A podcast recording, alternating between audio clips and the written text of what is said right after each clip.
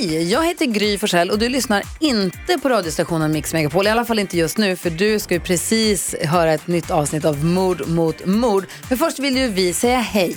Hej, hej, det här är NyhetsJonas. Det här är Carolina Widerström. Och här är Gullige Dansken. Ja, och så Gry då. Och det vi vill säga att när du har lyssnat klart på den här podden, då får du gärna lyssna på våran. Vi spelar in ett nytt avsnitt varje morgon av våra podd Kvartsamtal. Och hela radioprogrammet blir ju också en podd om man är väldigt morgontrött eller så. Just det, om man missar morgonen ja. Men mest av allt så får du gärna lyssna på programmet i direktsändning varje morgon på Mix Megapol. Live varje morgon från klockan sex och då har vi med oss massor med vänner också. Thomas Bodström, Babben Larsson, Johan Pettersson, Krista Luuk. Massor med coola människor som bara dyker upp och gör livet bättre. Ja, som jag, Gullige Dansken. Exakt så. Och så mycket bra musik och annat skoj såklart. Så vi hörs när du vaknar på Mix Megapol. Podplay.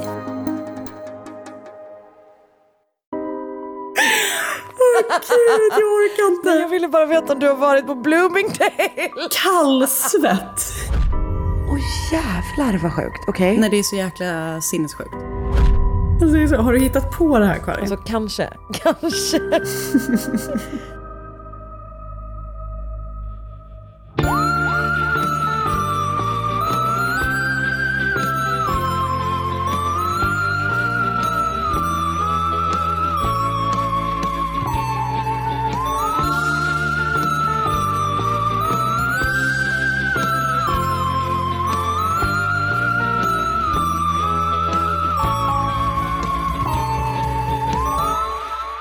Kör vi och så hälsar vi hjärtligt välkomna till veckans avsnitt av Mord mot mord med Karin Londré och Anna Sandell. Fan vad proffsig du börjar bli. Man hör verkligen att du har gjort det förr. Ja, 302 gånger. 301 gånger innan. Det märks. Ska vi säga det i varje avsnitt nu, vilket verkligen. avsnitt som är vi är på? Skryt, skryt att man äntligen har koll på det. verkligen, det är mest bara det det handlar om. Du Anna, hur är det med dig? Det är bra. Jag är i vårt älskade Lund över helgen. Och, Oh, jag är så avundsjuk. Jag är så avundsjuk. Ja, jag tänkte att du skulle bli det. Det är så mysigt här. Det är sån riktig skånsk vinter. Det är ett riktigt litet blåshål här nere. Men det är väldigt mysigt. Oh, tänk när vi ska till Lund tillsammans nästa gång. Ja, jag vet, det kommer bli underbart. Igår så hade vi eh, en sån här lite studentig stund, jag och Oskar. För att eh, Oskars föräldrar hade middag hemma så skulle vi följa en av deras vänner hem som behövde lite hjälp på vägen hem. Och när vi hade liksom lämnat av personen hemma så insåg vi att vi var inlåsta på hennes innergård. Så det var liksom låst, grinden ut var låst Ah. och porten var låst. Ah. Eh, så vi bara, vad gör vi nu? Typ. Så jag bara, men vi måste ringa och typ be henne komma och öppna. Och ska bara, nej, vi klättrar. Vi ska klättra över planket. Så då gjorde vi det. Var det härligt? Var det, det låter Alltså, det var härligt. typ rätt härligt. Jag var lite nervös först, men sen när jag var liksom började påbörjade den stora klättringen så insåg jag att I got this. Ja. I'm not that old. Det är bara 15 år sedan jag pluggade här. Och sen körde Oskar dig hem i en kundvagn. Typ. Det kändes typ som med en här stulen GB glassgubbe. Ja, verkligen. Fy fan alltså. En, sån har man ju haft hemma kan man ju säga. Jajamän, det har man. när jag flyttade från eh, där jag bodde, här, när jag pluggade här i Lund, Mm. så det var ju massa som hade bott där liksom innan mig. Så det var ju, eh, och då skulle vi liksom Förråd ge upp. av GB Glassgubbar. Exakt. Alltså det var, det, jag skojar inte, det var på riktigt de två sakerna som var det jobbigaste att få, få ut ur lägenheten. En kundvagn och en GB glassgubbe. Tror, tror du att så här, på återvinningscentralen i Lund så finns det en egen container för GB Glassgubbar? Precis, de bara nickar. Ja, du ska dit. Fack 10. Exakt. Eh, hur mår du? Jag mår bra tack. Jag tycker att det är, ja, nej, men jag mår bra. Jag är i, jag sitter på Marcus eh, kontor och poddar idag och jag vet inte liksom riktigt vad som pågår i, han och Karl spelar in sin podd Tombola här. Och jag vet Mm. liksom inte riktigt vad de håller på med. Ja, Alltså, spännande. Du har ju varit här en gång, Ja. eller hur? Sen dess har de ju byggt ett rum i rummet. Det kanske jag Ja, det har så. jag hört mycket om. Men sen, sen har de ju också, det här rummet är nu liksom panelat som en, som en stuga på utsidan. Mhm. Liksom. Alltså en, en, en falurå, liksom falurödfärg målad stuga som ser ut som att den är en trävägg. Liksom. Mhm. Och sen så har de alltså den största liksom så, fotofilmlampan som jag någonsin har sett. Ja, men de spelar in någon slags film där. Alltså någon slags liksom remake av, vad hette den? Fäbodjäntan. Exakt! Alltså gud vad sjukt att det var den första filmen som liksom Så du såg. slog mig. Ja, men typ. Har jag också sett här nere i Lund faktiskt. På en förfest. On brand. Fan vad vidrigt. Men i övrigt är det bra, utöver att jag sitter upplyst av den här massiva, massiva lampan. Liksom. Men du, eh, ska, vi, eh, ska vi prata Kör om igång det? eller? Ska vi prata om det? Ja, vi ska prata om det. Ja, vi pratar om det. Hashtag prata om det. Hashtag Ja.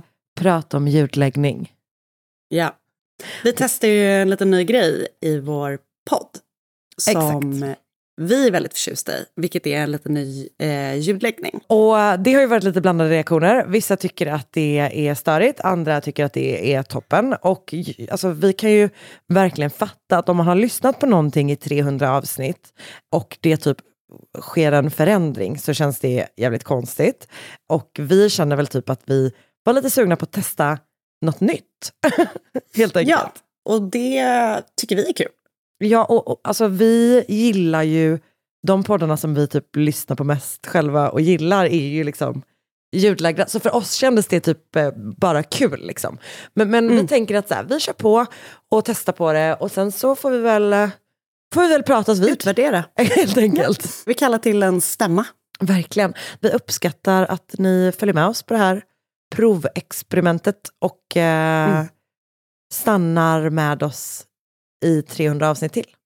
Minst. I vått och torrt. Det är ju så det är. Nog om det. Har du några tips? Ehm, Har du några djupt ljudlagda tips?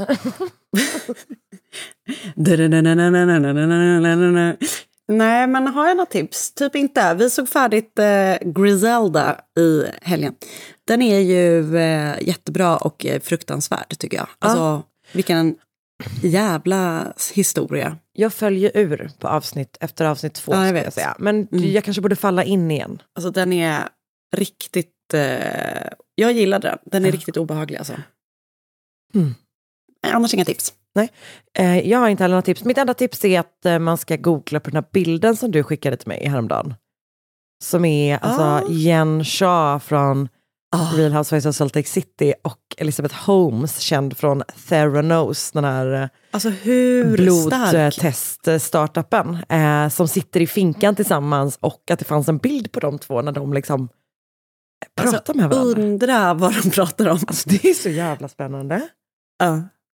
Eh, Så att det är mitt enda tips, att eh, om man som vi då eh, är intresserade bara av både av Theranos-affären och eh, Real Housewives så finns den lilla diamanten out there helt enkelt. Exakt. Eh, men du, nu sätter vi igång. Ja.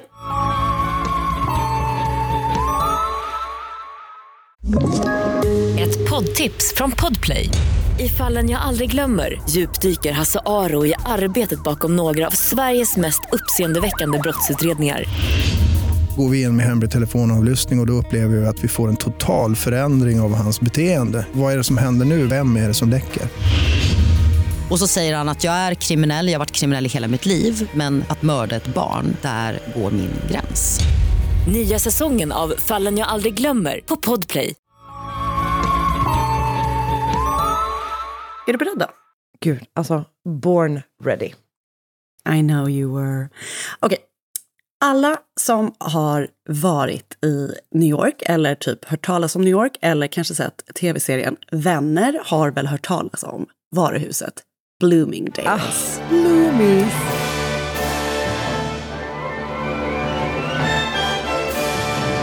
Alltså sedan 1872 har det legat då på samma plats på Third Avenue, 59th och Lexington på Manhattan. Har du varit där? Och det här varuhuset grundades då av två bröder som hette Joseph B. Bloomingdale och Lyman Anna. G. Bloomingdale. Och Anna. eh, det här... Anna, gjorde- har, du, har, du var, har du varit där? Ah, gud Karin, jag fick svettningar på hela kroppen. Du trodde att jag, att jag skulle säga att du hade gjort det fallet innan. Gud, jag orkar inte. Jag ville bara veta om du har varit på Bloomingdale. Kallsvett. Ja, jag har varit där. Har du varit där? Nej, jag har aldrig varit i New York. Åh gud, Okej, jag vet inte om jag ska kunna återhämta Nej, mig jag efter det här. Äh, Förlåt, förlåt, förlåt. Kör på nu, Ja, jag ska ta det till Jag ska vara tyst nu, jag ska göra jättetyst. Okej, och det här varuhuset grundades då av två bröder som hette Joseph B. Bloomingdale och Lyman G. Bloomingdale. Och eh, det här liksom gjorde ju i alla fall familjen Bloomingdale väldigt, väldigt förmögen. Och 1916 fick den ena av de här två bröderna ett barnbarn. Det här barnbarnet då döptes till Alfred. Och eh, han verkar ha varit eh, som liksom your average, väldigt rika Connecticut guy. Och eh, när den åldern kom så började han plugga på Brown University och eh, vad han pluggade där är oklart. Den information som finns om hans tid på Brown är att han var med i fotbollteamet och att han var med i ett frat house frathouse. Och i en podd jag lyssnade på då om dagens fall så sa de att han majored in women and party. Så han var nog inte någon direkt plugghäst. Och efter han tagit sin examen så började han jobba på Bloomingdales. Eh, Inte i någon så direkt gräddfil utan han började på golvet som säljare. Men han insåg liksom att så här, familjeföretaget, inget för mig. Han ville jobba med någonting helt annat och försökte sig då på showbiz. Och han började arbeta som producent i både Hollywood och på Broadway. Och han verkar varit inte så bra på det. Eh, han fick rådet av någon som han arbetade med att han skulle lägga ner en show han producerade och istället låta Bloomingdales vara öppet på kvällarna. Är ett vänligt råd. Och 1946 så gifte sig Alfred. Det här var hans andra äktenskap. Han träffade en kvinna som hette Betsy Newling och hon var en riktig överklasstjej. Hon hade växt upp i ett riktigt fint område i Los Angeles och hon var ensam barn åt någon så här väldigt eh, framgångsrik läkare och du vet, hon hade bara gått i fina skolor, hade fina kompisar. Hon var till exempel tärna åt Gloria Vanderbilt Oj. när hon gifte sig. Mm. Nu är vi här igen. Eh, I New York, nu- Greta. Jajamän. En Eh, både New York människor. och Los Angeles. Ah, ja. Greta. Herregud, otroligt. Bästa av två världar. There's no color in the rainbow that my girl can't be. Och hon tycker ju att Alfred är liksom ett bra catch. Han har ju jättemycket pengar. Men hon tyckte att han kanske liksom behövde liksom finjusteras lite i kanterna. Han ska själv ha sagt att hon fick honom från att vara a Jewish Democrat to a Catholic Republican. Oj. Okej. Mm. Så man kan ju liksom... ve- Ja. Ehm, men så var det i alla fall. Alltså, Alfred hade ju liksom väldigt gott förspänt. Han hade väldigt förspänt kan man ju säga. Men han var ändå, han ville liksom jobba ändå. Han var inte bara en sån som kickback, relaxed och brände typ alla sina liksom, familjepengar. Utan han, han ville göra saker. Och en kväll när han var ute och åt så insåg han att hur hade det varit om man inte behövde ha med sig en bunt sedlar varje gång man var ute, utan att man kunde betala med ett kort? Så då så liksom grundade han någonting som hette Dine and Sign, vilket sen ledde till att han, han typ köpte Diners Club. Alltså du vet, det fanns ju så här gammalt eh, kort Ja. som hette det. Och det här gav honom lite titeln som kreditkortets fader. Spännande. 1969 så sålde han sin del i det för att de hade blivit liksom väldigt konkurrensutsatta av Visa, Mastercard och andra. Liksom. Han behöll en liten del av företaget som hette International Flotels. Ursäkta? Vilket är då flytande, mm, flytande hotell. Eh, det verkar främst vara typ eh, oljeriggsboenden. Flotels. Men jag, ja, jag gillade det namnet jättemycket. jättebra. Bring flotels back. Otroligt. Ehm, och de rör sig, Betsy och eh, Alfred rör sig i liksom väldigt tjusiga kretsar. Mm. En av Betsys bästa vänner var Nancy Reagan, alltså Ronald Reagans fru. Och han var då en del av Ronald Reagans Kitchen Cabinet som var ett gäng rika gubbar egentligen som liksom alla stöttade Reagan då i hans presidentkandidatur och när han väl blev president så fick då Alfred sitta i något sånt advisory board med till presidenten. De var liksom crème de la crème kan man säga. Det sägs också, eller jag läste att de hade också en, eh, typ som en egen svit på Watergate hotell. Det känns som de hade ett ganska intressant liv på något vis. Men han är då, Alfred alltså, är en kvinnokar kan man säga. Det verkar som att han liksom alltid har haft ett, eh, mitt favorituttryck, wandering eye, och gillade ofta unga och alldeles för unga kvinnor för hans ålder. Och när han var 54 år gammal så klev han in eh, i en galleria och där får han syn då på någonting han gillar. Och det är då inte en sak och det är inte ett klädesplagg utan det är en tjej. En väldigt mycket yngre tjej. Det är nämligen den 17 år gamla Vicky Morgan. Och Vicky föddes i augusti 1952 i Colorado Springs. Och eh, när hon var liten flicka så lämnade hennes pappa mamman med två barn, två döttrar, Vicky och hennes stora syster.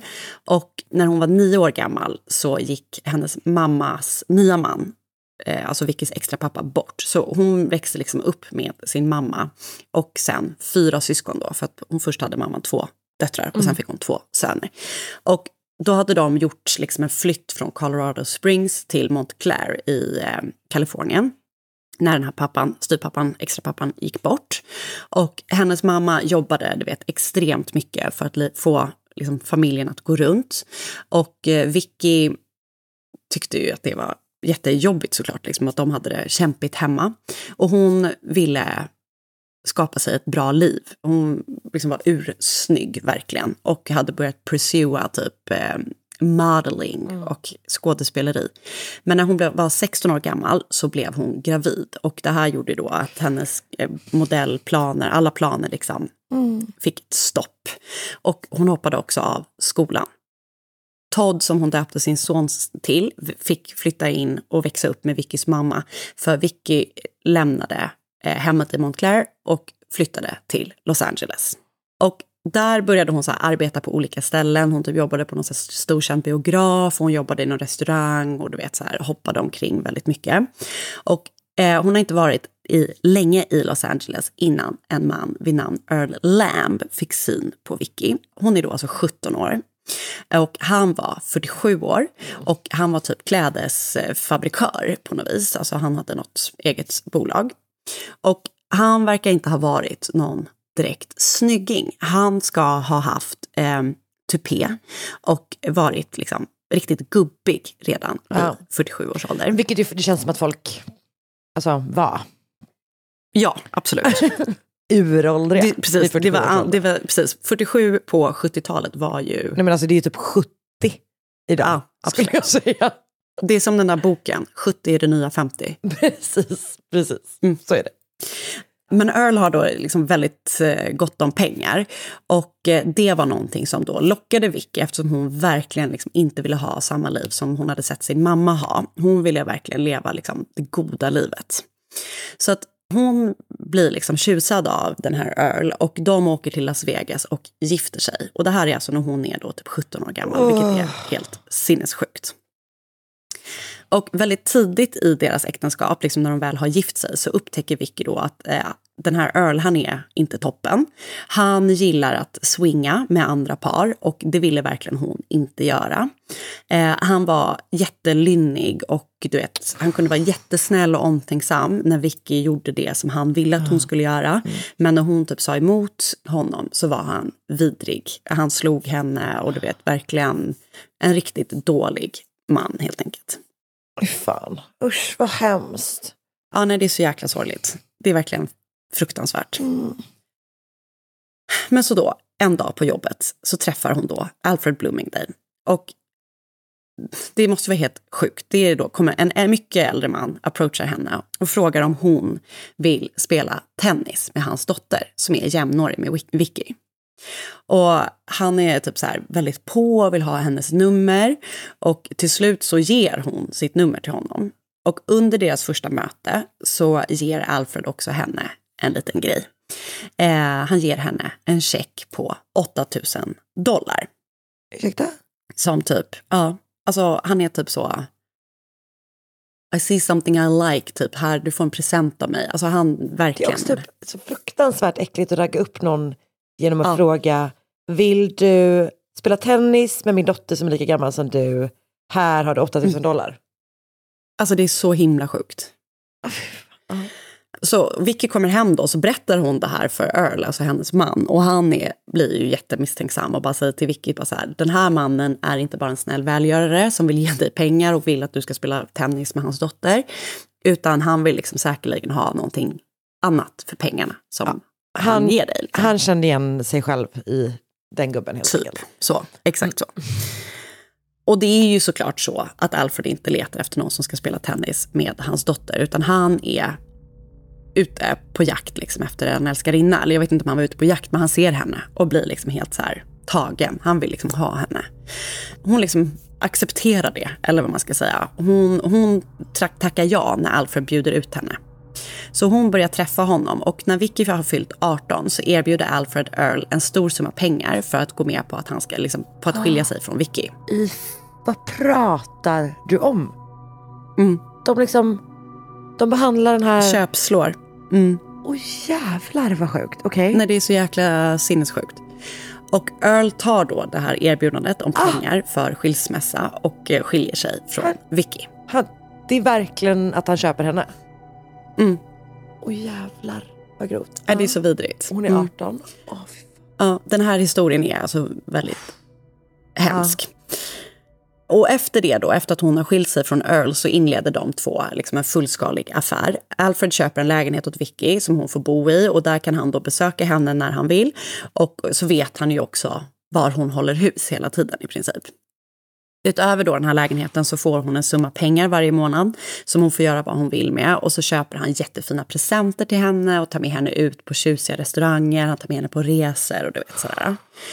Och det här pågår liksom i flera år och de är inte alls försiktiga med att de ska synas ute på stan. Eh, han är ju ändå liksom en kändis, för de rör sig i sådana kretsar som, så folk vet vilka de är, liksom, eller vem han är.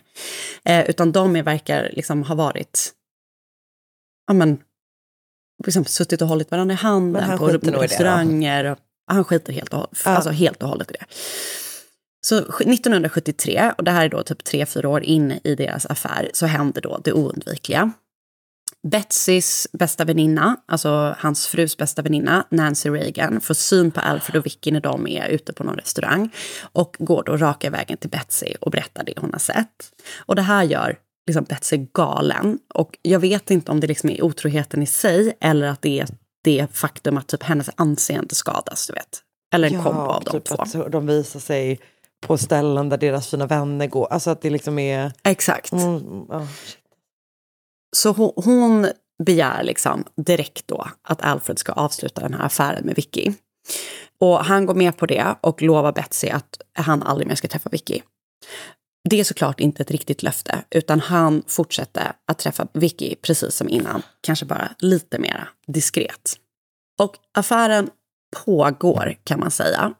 Under 11 år och under två äktenskap för Vickys del så fortsätter hon och Alfred ha sin affär. Det sägs att utöver de här äktenskapen som Vicky hade och sin relation med Alfred så hade hon liksom många andra relationer också. Bland annat med kungen av... Tylösand. Jag. Eh, jag, kommer inte, jag, jag tror att det var kungen av Marocko. Oj! Mm. Och så Okej. var det typ en dotter till en saudisk prins. Och du vet sådär. Så hon träffar andra också, men Alfred är liksom hennes konstanta, om Ja. du förstår. Och 1982 blev Alfred sjuk. Han diagnostiserades med dödlig cancer och han hade inte lång tid kvar att leva. Och när han blev sjuk då, så enligt Vicky, så lovade han henne att han skulle ta hand om henne finansiellt även efter hans död. Men när han blir sjuk så upptäcker också Betsy att Alfred har betalt ut pengar till henne då varje månad. Och det är liksom mycket pengar hon har fått varje månad. Jag läste någonstans att det motsvarade 58 000 dollar i dagens värde varje månad. Wow, okej. Mm. Och det här liksom trots då att han har lovat henne att avsluta den här affären. Så hon, när hon inser det så stoppar hon liksom direkt utbetalningarna till Vicky. Och Vicky har ju liksom varit helt beroende av de här pengarna. Hon har inte haft liksom, något jobb och hon, har, hon är helt beroende av de pengarna hon får av honom helt enkelt. Och när det här skedde då så gjorde Vicky en så kallad palimony stämning, vilket är då som alimony, alltså ett underhåll, fast för en relation då som inte har varit ett juridiskt äktenskap. Hon ville ha 11 miljoner dollar.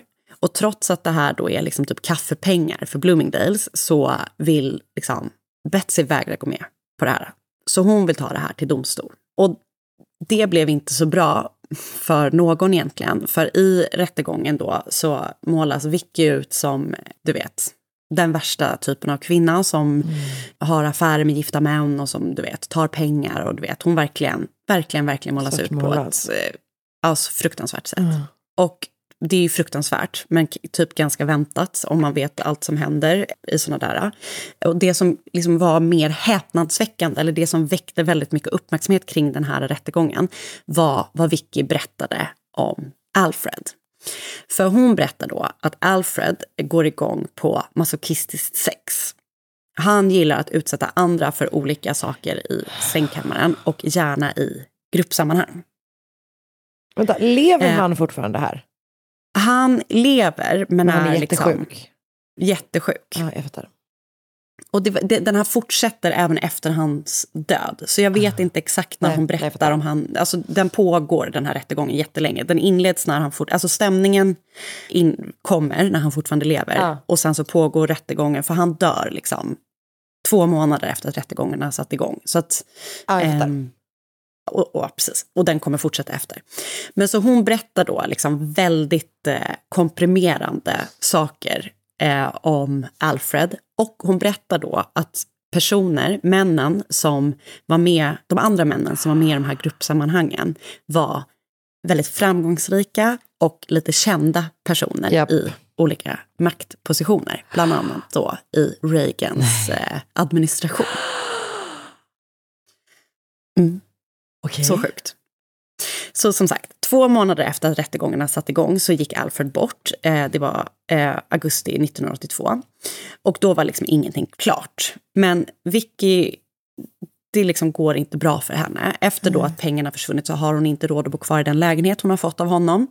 Hon blir tvungen att sälja flera av de gåvor hon har fått av eh, Alfred under deras relation för att betala för sina liksom, rättegångskostnader och du vet allting som hon har haft. Hon har ju verkligen levt liksom ett, eh, Ett gott liv typ. ett gott liv och helt plötsligt så har hon ingenting. Eh, och det sägs också att hon typ både drack för mycket, att hon missbrukade droger och du vet sådär. Så hon tvingas då att lämna lägenheten och flytta ihop med en vän som hon har träffat när hon var på en så kallad mental institution. Och hon verkar ha varit på det, flera sådana vid olika tillfällen. Liksom. Så hon har ju lidit av mental ohälsa. Liksom. Eller psykisk ohälsa. Och den här vännen då som hon flyttade ihop med var en man vid namn Marvin Pancoast. Och eh, även han har då en lång historia av mental ohälsa. Och han har blivit diagnostiserad av olika läkare vid jättemånga olika tillfällen. Liksom. Han har alltid haft en, eh, eller hade alltid en längtan om efter att vara liksom, i gräddan i Los Angeles. Men hade alltid varit i det är liksom den absoluta utkanten och, och knappt det. Han skötte kopiatorn på någon castingstudio för, för, för, liksom för skådespelare och sånt där. Men han liksom längtade efter att ha det som Vicky hade haft när hon levde med Alfred, om du förstår vad jag menar. Eh, De var jätte, hade blivit jättenära vänner när de hade träffats på då en sån här, ett sånt här hem. Och då flyttade de ihop och han tar hand om Vicky när hon mådde så dåligt nu under hela den här rättegångssituationen och efter Alfreds död. Du vet, han handlar åt henne, typ städar henne, deras hem. Det sägs att han så målade hennes naglar. Alltså vet, han tog hand om henne och verkligen vårdade henne. Typ. Så det kan nog ha kommit som en chock för folk i deras närhet när Marvin den 7 juli 1983, alltså drygt ett år efter att Alfred dött, klev in på en polisstation och sa I just killed someone. Han berättar då där på polisstationen att han har mördat Mick- Vicky Morgan i deras gemensamma hem. Polisen åker såklart hem till dem och där hittar de henne ihjälslagen i hennes pyjamas i hennes säng. Marvin berättar att eh, de har grälat kvällen innan och att han sedan har slagit ihjäl henne med hennes son Todds baseballträ. Inledningsvis säger han att han har gjort någonting som han visste att hon ville. Han menar att hon inte ville leva längre, men att hon inte vågade liksom göra någonting själv. Så att han har liksom gjort det åt henne. Han, hon var utfattig, hon hade problem med droger och alkohol och sådär. Men polisen slarvar liksom i utredningen. De eh, lyfter inga fingeravtryck. Det här basebollträdet som har då liksom, var mordvapnet har de typ eh, schabblat med så de kan inte lyfta fingeravtryck från det. De gör liksom ingenting. De reagerar också på då polisen att hennes, eh, alla hennes lådor har blivit liksom, du vet, helt eh, genomsökta. Allting är upp och ner typ, i hennes rum. Och Marvin erkänner ju mordet, men sen när det närmar sig rättegång så tar han då tillbaka sitt erkännande. Han eh, säger helt plötsligt då att han inte alls har gjort det här. Och hans försvar driver då olika spår i hans rättegång. Ett av spåren som eh, de liksom försöker driva är då att eh, Vicky hade teamat upp med en man vid namn Gordon Basikis. Som, eh, han skulle skriva en bok om Vickys liv som då skulle handla om Alfred och alla de här andra Mm. männen som hon har träffat tillsammans med Alfred och det som hon hade pratat om i rättegången helt enkelt. Det som hade börjat som en affärsmässig relation mellan Vicky och Gordon hade sedan utvecklats till en mer sexuell relation. Och försvaret försökte då hävda att han hade slagit ihjäl Vicky efter att de då rykt ihop om någonting, om boken eller du vet sådär. Deras relation verkar ha varit väldigt skakig, men han hade eh, vattentätt alibi för mordkvällen. En annan tes då var ju det här att Vicky hade ju en massa dirt, inte bara på Alfred utan då också på flera andra män i Reagans administration. Och det hävdades att det fanns sex videos som visade de här männen i de här eh, grupp sex-akterna som Vicky hade berättat om under hennes rättegång. Så Marvins försvar menar då att det, det är någon som har velat göra sig av med Vicky för de kan inte riskera att, det kommer de ut. här videorna ska läcka. Några sådana här videos hittades aldrig, men det liksom sades då, ryktet var att man har använt sig av Marvin, som ju bekant led av psykisk ohälsa, för att göra deras dirty, dirty work. Och så skulle då sen Marvin, du vet, inte eh, anses tillräknelig för under Just liksom, det. mordtillfället. Och så skulle han bara få sitta kort tid och sen så skulle han få väldigt mycket pengar när han kom ut. Trots då de här olika teserna och att eh, Marvin har tagit tillbaka sitt erkännande så väger liksom hans erkännande väldigt tungt. Man hittar aldrig såna här videos, det finns liksom ingenting mer än den här teorin att det är så. Så trots att Marvin ja, tagit har tagit tillbaka sitt erkännande då, så döms han eh, till 26 år till livstid i fängelse på mordet på Vicky. Han fortsätter ju hävda att han är oskyldig hela tiden och han avled i fängelset 1991 i sviterna av aids. Vickys Palimony-rättegång då, den som sattes igång liksom innan Alfred hade dött i liksom, so- början på sommaren 1982, pågick även efter hennes bortgång. Och även efter att Marvin då dömts för mordet på Vicky. Och det blev aldrig några 11 miljoner dollar till varken Vicky då eller hennes dödsbo. Men efter många turer i rätten så fick hennes son Todd till slut 200 000 dollar av familjen Bloomingdale. Mm. Ja, Jävlar, mordet på Vicky Morgan. vilken, vilket liksom livsöde. Ja, så jäkla sorgligt. Ja, fy fan. Mm. Ah, Det här var ett tips ska jag Ja. säga från en eh, lyssnare. Ja, så tack snälla för det. Toppen tips. Ja, så bra tips, verkligen. Eh, och jag har läst en artikel på Vanity Fair skriven av Dominic Dunn med rubriken The Woman eh, Who Knew Too Little. Och en annan artikel i Vanity Fair också som heter Remembering Betsy Bloomingdale Who Reigned Over Los Angeles Society and Influenced the First Lady av Bob Colachello. Och en artikel på New York Times som heter Alfred Bloomingdale Diners Club Developer Dies, skriven av David V. Dunlap och sen massa olika Wikipedia-sidor. Och så har jag lyssnat på podden Murderish och det avsnittet heter Vicky Morgan, Execution by Media och podden Swindle och det avsnittet heter The Other Woman. Alltså, det är så jävla svårt att föreställa sig just det där att bli så brutalt svartmålad av liksom alla. Eh, och sådär liksom bara totalt överkörd av patriarkatet. Typ. Att man är liksom den Ja. sämsta sortens kvinna. Typ. Jag vet, Man bara, meanwhile, jäkla- de här männen hade inga som helst problem att eh, till exempel köpa henne när hon var Nej. precis fyllde 18 år. Mm. Men det är hon... Nej, det är så grovt. Ah, gud alltså, fan. Jävlar Anna. Nej, den var väldigt eh, Tack snälla. drabbande tycker jag. Ja, jag håller verkligen med. Tack. Tack så jättemycket.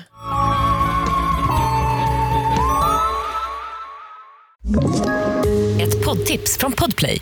I podden Något Kaiko garanterar östgötarna Brutti och jag, Davva, dig en stor dos skratt. Där följer jag pladask för köttätandet igen. Man är lite som en jävla vampyr. Man har fått lite blodsmak och då måste man ha mer. Udda spaningar, fängslande anekdoter och en och annan arg rant. Jag måste ha mitt kaffe på morgonen för annars är jag ingen trevlig människa. Då är du ingen trevlig människa, punkt. Något Kaiko, hör du på Podplay. Därför är gardinerna. Är du med mig? Om jag är... För idag ska vi åka långt ifrån kalla Sverige. Mhm. Vi ska till eh, Palmyra-atollen. Mhm. Mm. Ligger mitt emellan Hawaii och eh, Samoa. Eh, alltså mitt ute i liksom öppnaste Stilla havet. Så att det ligger liksom eh, alltså 5300 kilometer sydöst tror jag om Hawaii. Liksom. Så det är verkligen så här, Okej. alltså mitt i ingenting. Typ. Och eh, en atoll då är alltså en eller flera öar av korall i liksom ringformation. Ehm, och Palmyra är då just en grupp öar. Det är ett 50-tal stycken men den, total, men den totala ytan är bara runt 12 kvadratkilometer. Så det är väldigt litet helt enkelt. Så det är liksom så här, mitt ute i Stilla havet så ligger den här ringen av öar. Där det är så ett rev, det är typ två laguner tror jag. Massa, massa hajar, massa fiskar. Alltså det är en väldigt, väldigt exotisk, konstig plats helt enkelt. Och de är väldigt låga de här öarna, bara några meter över havet. Vegetationen är mestadels låg den med, även om det finns lite så här palmer med kokosnötter typ. Det är paradisö. Ja, absolut. Det är verkligen... Eller? Det, ja, ja, det känns ju väldigt mycket som typ så här sinnebilden av en sån ö man råkar hamna på när man blir skeppsbruten typ. Okej, det känns inte paradisigt. Men du fattar vad jag menar. Men Jag tar ser- tillbaka- jag- jag fattar Det ser precis. väldigt, väldigt spännande ut faktiskt. Och ett problem då om man blir skeppsbruten är att man ser ju inte ön eftersom den är så låg. Så man kommer inte liksom veta vart man ska. Och så är det så mycket hajar. Eh, ja, så Ja. det, det finns för och nackdelar med den här platsen helt enkelt. Det som också är intressant med den är att det var, alltså på ön, eller öarna, så finns det rester av alltså en tid när USA använde Palmyra som typ mm, militärbas. Liksom. Mhm. Så det var så under andra världskriget så hade man det och då fann det liksom finns en landningsbana för flygplan, övergivna byggnader, redskap och även typ fordon liksom, som de bara har. Alltså när kriget tog slut så bara var det som att de drog därifrån och bara lämnade allting. Liksom. Det låter så läskigt. Ja, jag vet, verkligen. Alltså, verkligen. Allt, det känns ju extremt cursed, eller hur? Alltså verkligen. Numera är då Palmyra-atollen ett skyddat naturområde där typ anställd personal turas om om att bo tre månader i taget. Och eh, för den som liksom förväntade sig att vara ensam på Palmyra så fanns det en, alltså en risk att bli besviken. För att det var ändå en plats som folk liksom seglade till. Det var många som gjorde den här långa, långa resan. Och eh, det är då just vad som hände det resande paret på båten The Iola när de anlände till öarna den 26 juni 1974. För när de tog sin lilla rod- roddbåt i land på en av öns så improviserade hamnar så möttes de då till sin stora förvåning av en hel grupp människor som hälsade dem välkomna. De hade alltså trott att så här, vi ska åka dit och vara själva typ. Var Istället så står det verkligen typ ett gäng på den här stranden och bara hallå, hur är läget? Typ. Ehm, så jävla snopet. Och det här paret då som, som kommer på den här båten, De introducerar sig själva som Stephanie och Roy Allen. Även om Roy har namnet Buck tatuerat på armen. Vilket folk tycker är lustigt. För att det är så här, men de säger typ att han kallas för Buck. Men det är ännu Okej. konstigare att tatuera in sitt eget namn, bara i allmänhet. Eller? Jättekonstigt. Ja, jättekonstigt. Men det ser man ju ibland ändå. Man bara, är du rädd att du ska glömma eller vad är grejen? eller är du bara jävligt nöjd med ditt namn? Precis, typ? vi vill veta. Vi vill veta. Please reach out. Men de har i alla fall kommit från Hawaii och de har då varit till sjöss i 19 dagar. Resan har inte varit lätt. Nej. Stephanie och Roy är inga vana seglare och båten Iola var inte gjord för den här typen av resor. Hon var en ganska så liten båt i trä men innan resan hade Roy klätt skrovet i fiberglas. Det är sånt som kliar så jäkla mycket. Exakt, precis. Du tänker på sånt, sånt man stoppar in mellan väggar, eller hur? Jag vet inte. Det är jag som inte vet helt inte enkelt. sånt, inte sånt, utan hård plast. Men det har liksom börjat läcka. Så. Mhm. så att båten har börjat ta in vatten under den här resan. Så de är skeppsbrutna, det är därför de hamnar där? Nej, det är de inte. De kommer ändå Nej. fram. Och, de, och det är meningen att de ska dit. Liksom. Men den har börjat där. Det ser, inte, det ser inte lovande ut. typ. Och Roy har också blivit eh, sjösjuk. Så Stephanie har typ fått sköta det mesta själv. Liksom. Åh, vad arg jag hade varit. Han har också fått för sig att när man är sjösjuk så måste man äta väldigt mycket mat. Vilket Men det kan jag typ förstå. Mm. Det, han gör, det enda som händer är ju att han äter upp all deras mat och sen kräks upp den om och om och om igen. Okej, okej. Så att de har bränt igenom sitt livsmedelsförråd snabbare än de trott och det där livsmedelsförrådet var inte toppen från början. Men till slut har då Roy, Stephanie och deras tre hundar som de har med sig kommit fram till de här öarna där de trodde att de skulle vara ensamma och istället möts av värsta välkomstkommittén. Typ. Kort därefter kommer ytterligare ett besviket par till ön. De heter Malcolm och Eleanor Graham, men de kallas för Mac och Muff. De är alltså, paret Allens motsatser, skulle man kunna säga. De är riktiga, riktiga seglarproffs. De bor i San Diego, men efter att Mark Mac ärvt en rejäl summa pengar av en släkting så hade de till, tillbringat liksom väldigt, väldigt mycket tid på sin stora, fina segelbåt Sea Wind. Alltså deras bröllopsresa var typ en jorden runt-resa som pågick i sex år. du fattar. På båt? På båt, exakt. De seglade runt. min Muff mardröm. var egentligen inte, alltså hon var typ inte så sugen på att åka till Palmyra. Hon var typ, hon ville typ vara i land tror jag. Men han var jätte, jättesugen. Han älskade båtlivet och han var också väldigt, väldigt, alltså verkligen. Eh, men han var typ sjukt intresserad både av den här ön och den här platsen men också av de här, alltså militär, militärbasen typ.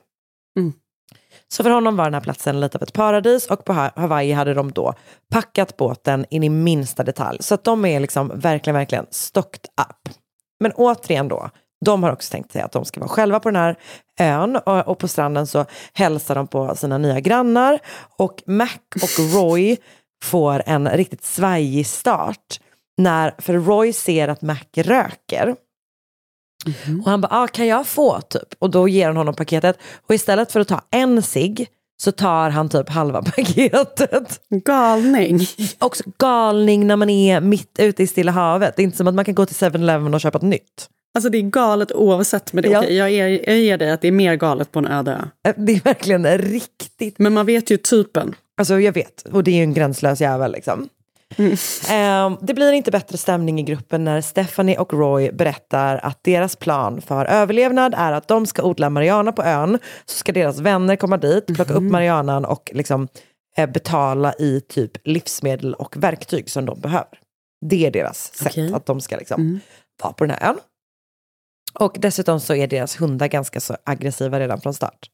Så det, är så här, Det låter som en Alltså det, mardröm. det är en jävligt dålig början. Så kan man säga. Mm. Det kommer inte bli bättre. Nej, det känns inte som det. Veckorna går Och eh, de här olikheterna mellan paret Allan och alla andra på ön visar sig allt mer. De är ju lite mer så här hippie-igga kan man säga. Och Mac och Muff är verkligen så här tydligt, tydligt, alltså Mac fina. Muff, Mac och Muff är verkligen så här överklass typ. Jätte liksom Ja. fina, ordentliga överklassmänniskor som typ, du vet, Muff loves to entertain on the boat Seawind. du vet, det är liksom, du fattar. Ja, man fattar typen. Ja. Paret Allen har eh, inte med sig så mycket saker då som de behöver. De är dåligt förberedda och börjar då bedriva byteshandel där de byter typ saker de har mm, för att få mat från andra på ön. Liksom. Och de andra på ön är så här, ja de, de har med sig mer mat än vad de behöver men inte så mycket att de ska kunna typ försörja de här två personerna Nej, för all framtid. Deras marijuanaplantor dör tyvärr och de har också tänkt sig att odla grönsaker. Men insekter äter upp deras fröer och plantor och jorden är typ inte så ja, lämpad för det. Helt Så enkelt, bördig som de hade tänkt sig. Exakt. Roy hamnar i konflikt med några av de andra männen när han istället för att klättra upp i ett träd och ta ner kokosnötter tar fram en motorsåg och så såg han ner alla fall. Snälla. Mm, det, finns ju, alltså det finns ju fisk och det finns kokosnötter så det, de kan ju liksom eh, överleva Robinson. på det som finns. typ. Men Roy verkar typ inte riktigt ha tålamodet som fiske kanske kräver, även om det är sjukt mycket fisk i lagunerna och sådär. Så istället för att typ plocka fram ett fiskespö så står han alltså i vattnet med en pistol och försöker skjuta fisken. Men alltså snälla. Alltså det är så jävla jävla roligt tycker jag. Alltså, alltså jag blir så stressad. Ja. På allas vägnar som är på den där ön. Jag vet. Hundarna fortsatt aggressiva mot övriga invånare. Och det verkar inte heller toppen mellan Roy och Stephanie. För efter ett tag så flyttar Roy till en liksom rackig tältliknande konstruktion på stranden. Och Stephanie bor kvar på båten. Så det, ja, det går inte bra. Veckorna blir till månader. Mac och Muff försöker hålla ihop någon slags relation med Ray och Stephanie. De bjuder över dem på drinkar. Muff är som sagt en otrolig värdinna. Men du vet, det funkar inte. I ett brev till sin mamma skriver Muff om sin frustration och oro och att hon vill åka från ön men att Mac vägrar. Och den här, alltså, de har ett system för, för post. För det är inte som att det åker dit en postbåt ibland. Liksom. Eh, de skriver brev och sen så ger de breven till folk som ska åka från ön och sen så pof, liksom postar de breven när de kommer till Hawaii. Och, och det är typ till deras föräldrar som de skickar brev. Liksom. Och då har de gjort en deal med en vän, eh, alltså de har en kompis som bor på Hawaii som heter eh, Kurt. Och de pratar med honom alltså på radio en gång i veckan. Så deras anhöriga skickar sina brev till Kurt och så läser Kurt upp svaren när han pratar med dem på radio. Okej. Typ. Intressant. Så det här är då ett sånt, ett sånt brev som skickas med några som åker från Palmyratollen där hon skriver om hur eh, sjukt jobbigt det är. Det är den 13 juli som hon skickar iväg det brevet med paret Bernard och Evelyn Leonard. Bernard Leonard är verkligen också ett namn. Ja, Alltså, har du hittat på det här Karin? alltså kanske, kanske.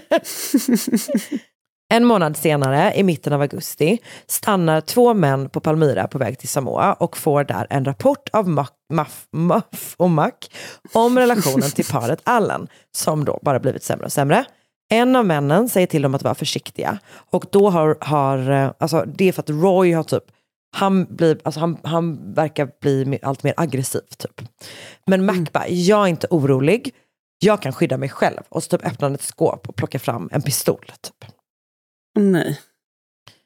Den 17 augusti 1974 lämnar männen Palmyra och efter det är paret Allan och paret Graham ensamma mitt i Stilla havet. Då har alla åkt därifrån. Alla har åkt och det är typ så slutet av säsongen så, här, så då kommer det typ inte vara lika mycket folk som stannar till. Det, nu är de själva där. Åh, stressen. Ja.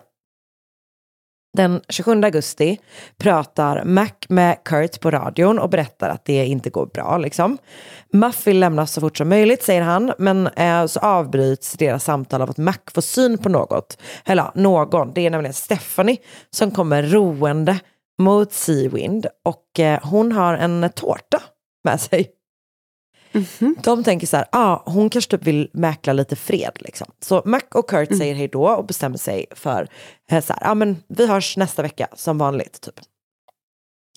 Nästa gång Kurt hör av sig är det ingen som svarar på Seawind. Veckan efter försöker han igen med samma resultat och så håller han på sådär i flera veckor innan han till slut ber en vän som har ett flygplan att flyga över Palmyratollen och se om han ser Seawind. Men det finns liksom inga båtar vid ögruppen. Okej. Kurt kontaktar kustbevakningen men de gör ingenting utan Mac och Muff Graham och Stephanie och Ray Allen är liksom spårlöst försvunna. Två månader senare, i oktober 1974, så får paret Leonard, alltså de som tog med sig Muffs brev, eh, syn på någonting i Honolulus marina. Det är en båt som verkligen, verkligen ser ut som Seawind. Namnet är borttaget och båten är ommålad men Bernard är övertygad om att det är The Seawind och så ser han då någon han känner igen ombord. Visst är det Ray Allen som står där. Bernard ringer kustbevakningen som i sin tur kopplar in det lokala FBI-kontoret eftersom brott liksom på öppet hav är FBI's jurisdiction. När de kommer dit så ser man inte till så här paret Allen ehm, och man bestämmer då att så här, spanare från kustbevakningen ska hålla båten under uppsikt och dagen efter så är de tillbaka och när en båtgranne informerar dem om att kustbevakningen varit där och kollat på deras båt bestämmer de sig för att fly i sin roddbåt. Så det är för dumt. De börjar ro runt i marinan. Först är Ray vid årorna, men sen tar Stephanie över. Hon släpper av Ray vid en brygga. Han börjar typ springa mot land, möts då av två stycken från kustbevakningen, vänder sig om, springer åt andra hållet och dyker i vattnet och börjar simma därifrån. Han, han tappar dock sin plånbok på bryggan och där finns hans körkort med typ bild och allting så. Samtidigt har en kustbevakningsbåt tagit upp jakten på Stephanies roddbåt i marinan. Jag vet inte om hon är riktigt, riktigt snabb på ro eller om hon bara är väldigt, väldigt nära land. Men hon hinner alltså i land. Okej. Hon kastar sig upp och börjar liksom rusa därifrån.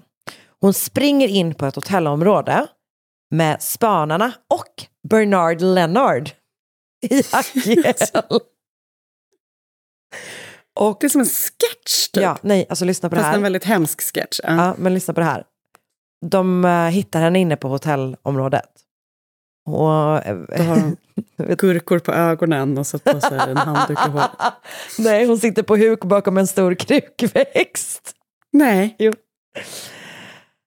Av någon anledning placeras både Bernard och Stephanie i roddbåten när den bogseras av kustbevakningen. Jag fattar inte varför inte Bernard får åka med stora båten. Eh, men han frågar i alla fall henne i båten om Mac och Muff lever. Och hon säger nej. Hon säger att de drunknade på Palmyraatollen. Senare berättar hon samma historia för FBIs utredare eh, och den historien går då så här. I slutet av augusti så bjöd Muff och Mac henne och Ray på middag på Seawind. Men när de kom dit så var paret borta. Först trodde de att de bara var ute och typ fiskade efter middagen men så här, tiden gick och, och inga Grahams dök upp. Eh, och Roy och Stephanie börjar då ha typ alltså, Seawind som bas. De är väl typ så här, de kommer väl tillbaka hit så då är det lika bra att vi stannar här typ. Så det är lite som att de flyttar in på båten. Eh, men de letar också då efter paret Graham och till slut, efter ett bra tag, hittar de parets roddbåt upp och ner på en strand. Och de liksom drar då slutsatserna så här, de har kantrat och drunknat. Typ. Då bestämmer sig Stephanie och Ray för att åka från... Alltså, nu blir jag galen. Nu sa jag ju Ray. Mm. De alla heter för lika saker. Alltså, det typ det. Jag har verkligen satt, sagt Roy ibland och Ray ibland. Vi får göra om. Åh gud, jag blir galen. Han heter Roy. Okej, vet du vad? Jag ska säga så här. Han heter inte ens Roy eller Ray. Jag kommer säga vad han heter på riktigt snart. Så ni behöver inte ens bry er. Ni vet vem jag pratar behöver om. inte ens bry oss. Ni vet vem jag pratar om. De bestämmer sig för att lämna ön i alla fall. Då har de typ bestämt sig för att ta med sig Seawind och boxera deras båt Iola. Men Iola har gått på grund och sjunkit. Typ. Så det är då därför de har Seawind nu. Och då liksom, hon grips, Stephanie, misstänkt då för att ha stulit den här båten. Liksom. Och samtidigt letar man vidare efter eh, Ray eh, Roy eller Buck Walker, som det ska visa sig att han egentligen heter. Från och med nu kommer jag kalla Ray Roy för Buck. Vilken mindfuck. Verkligen. När han försvann så som sagt hittar man ju hans plånbok. Och då tog man hans körkortsfoto till polisen. Och det visade sig att Buck Walker var på flykt. Han hade dömts för eh, narkotikabrott och försvunnit till Palmyra under falskt namn medan han väntade på att få sin dom.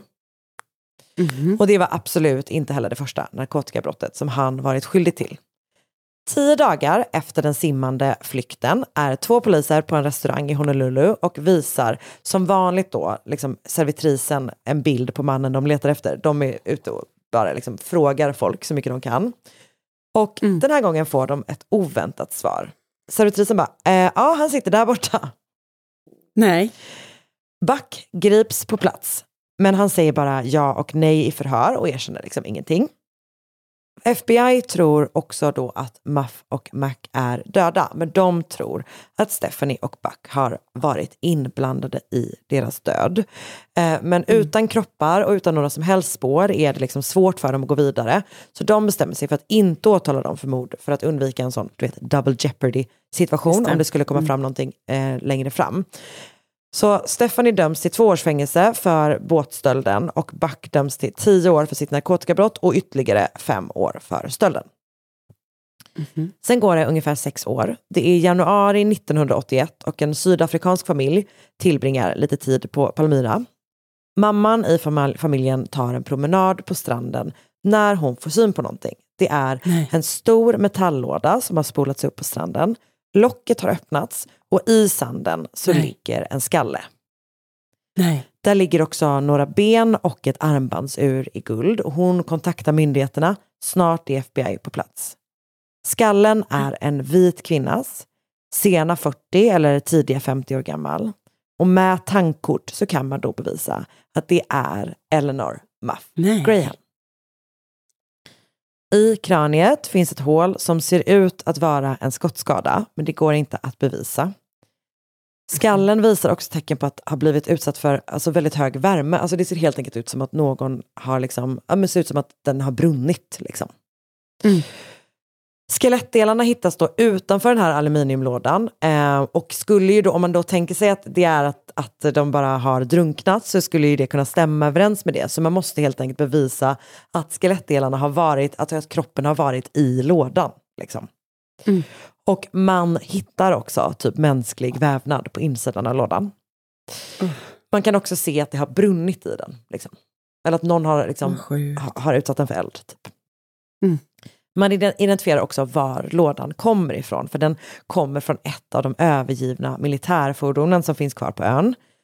Och på det här fordonet så fanns plats för tre likadana lådor. En låda är kvar i fordonet. En låda är den man har hittat eh, Muffs kropp, eller Muffs eh, skelettdelarna vid. Och en är då fortfarande försvunnen. Teorin är då att Max kropp kanske fanns i den andra, eller den tredje. Liksom. Men man har aldrig hittat hans kropp, eller hans, liksom, man har aldrig hittat några spår efter honom. Och därför åtalas Stephanie Stern, som det visar sig att hon egentligen heter, och Buck Walker bara för mordet på Eleanor.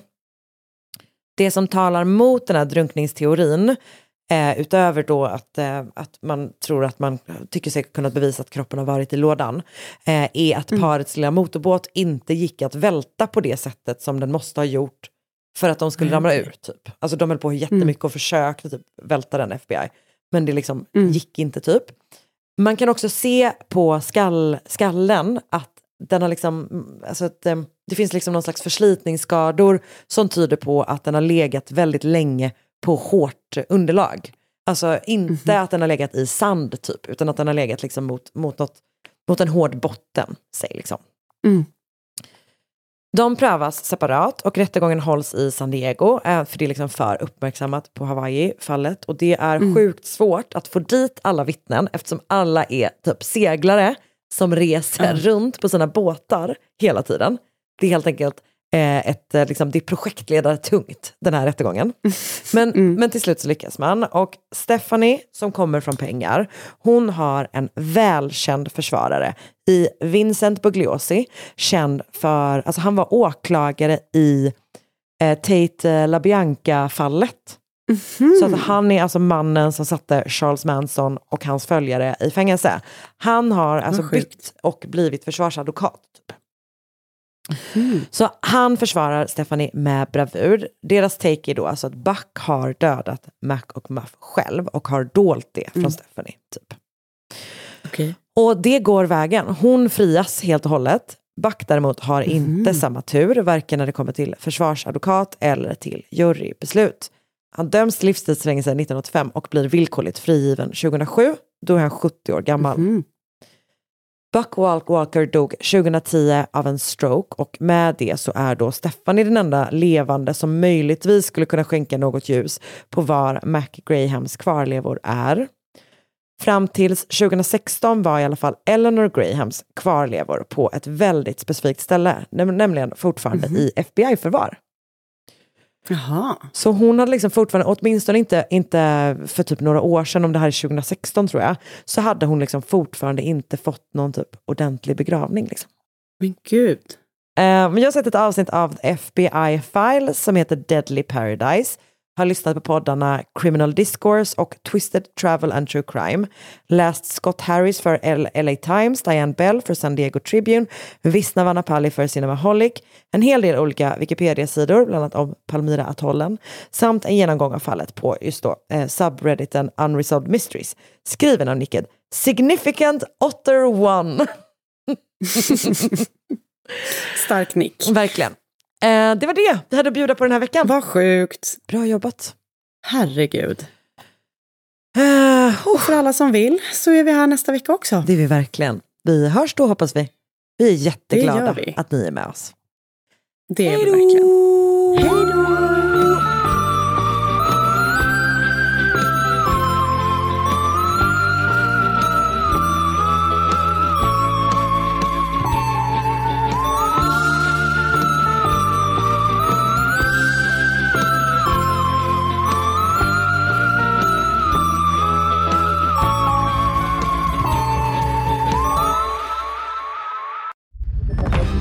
Podplay, en del av Power Media.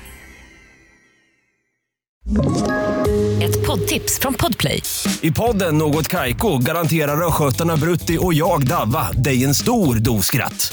Där följer jag pladask för köttätandet igen. Man är lite som en jävla vampyr. Man har fått lite blodsmak och då måste man ha mer. Udda spaningar, fängslande anekdoter och en och annan arg rant. Jag måste ha mitt kaffe på morgonen för annars är jag ingen trevlig människa. Då är du ingen trevlig människa, punkt. Något Kaiko, hör du på Podplay. Därför är gardinerna.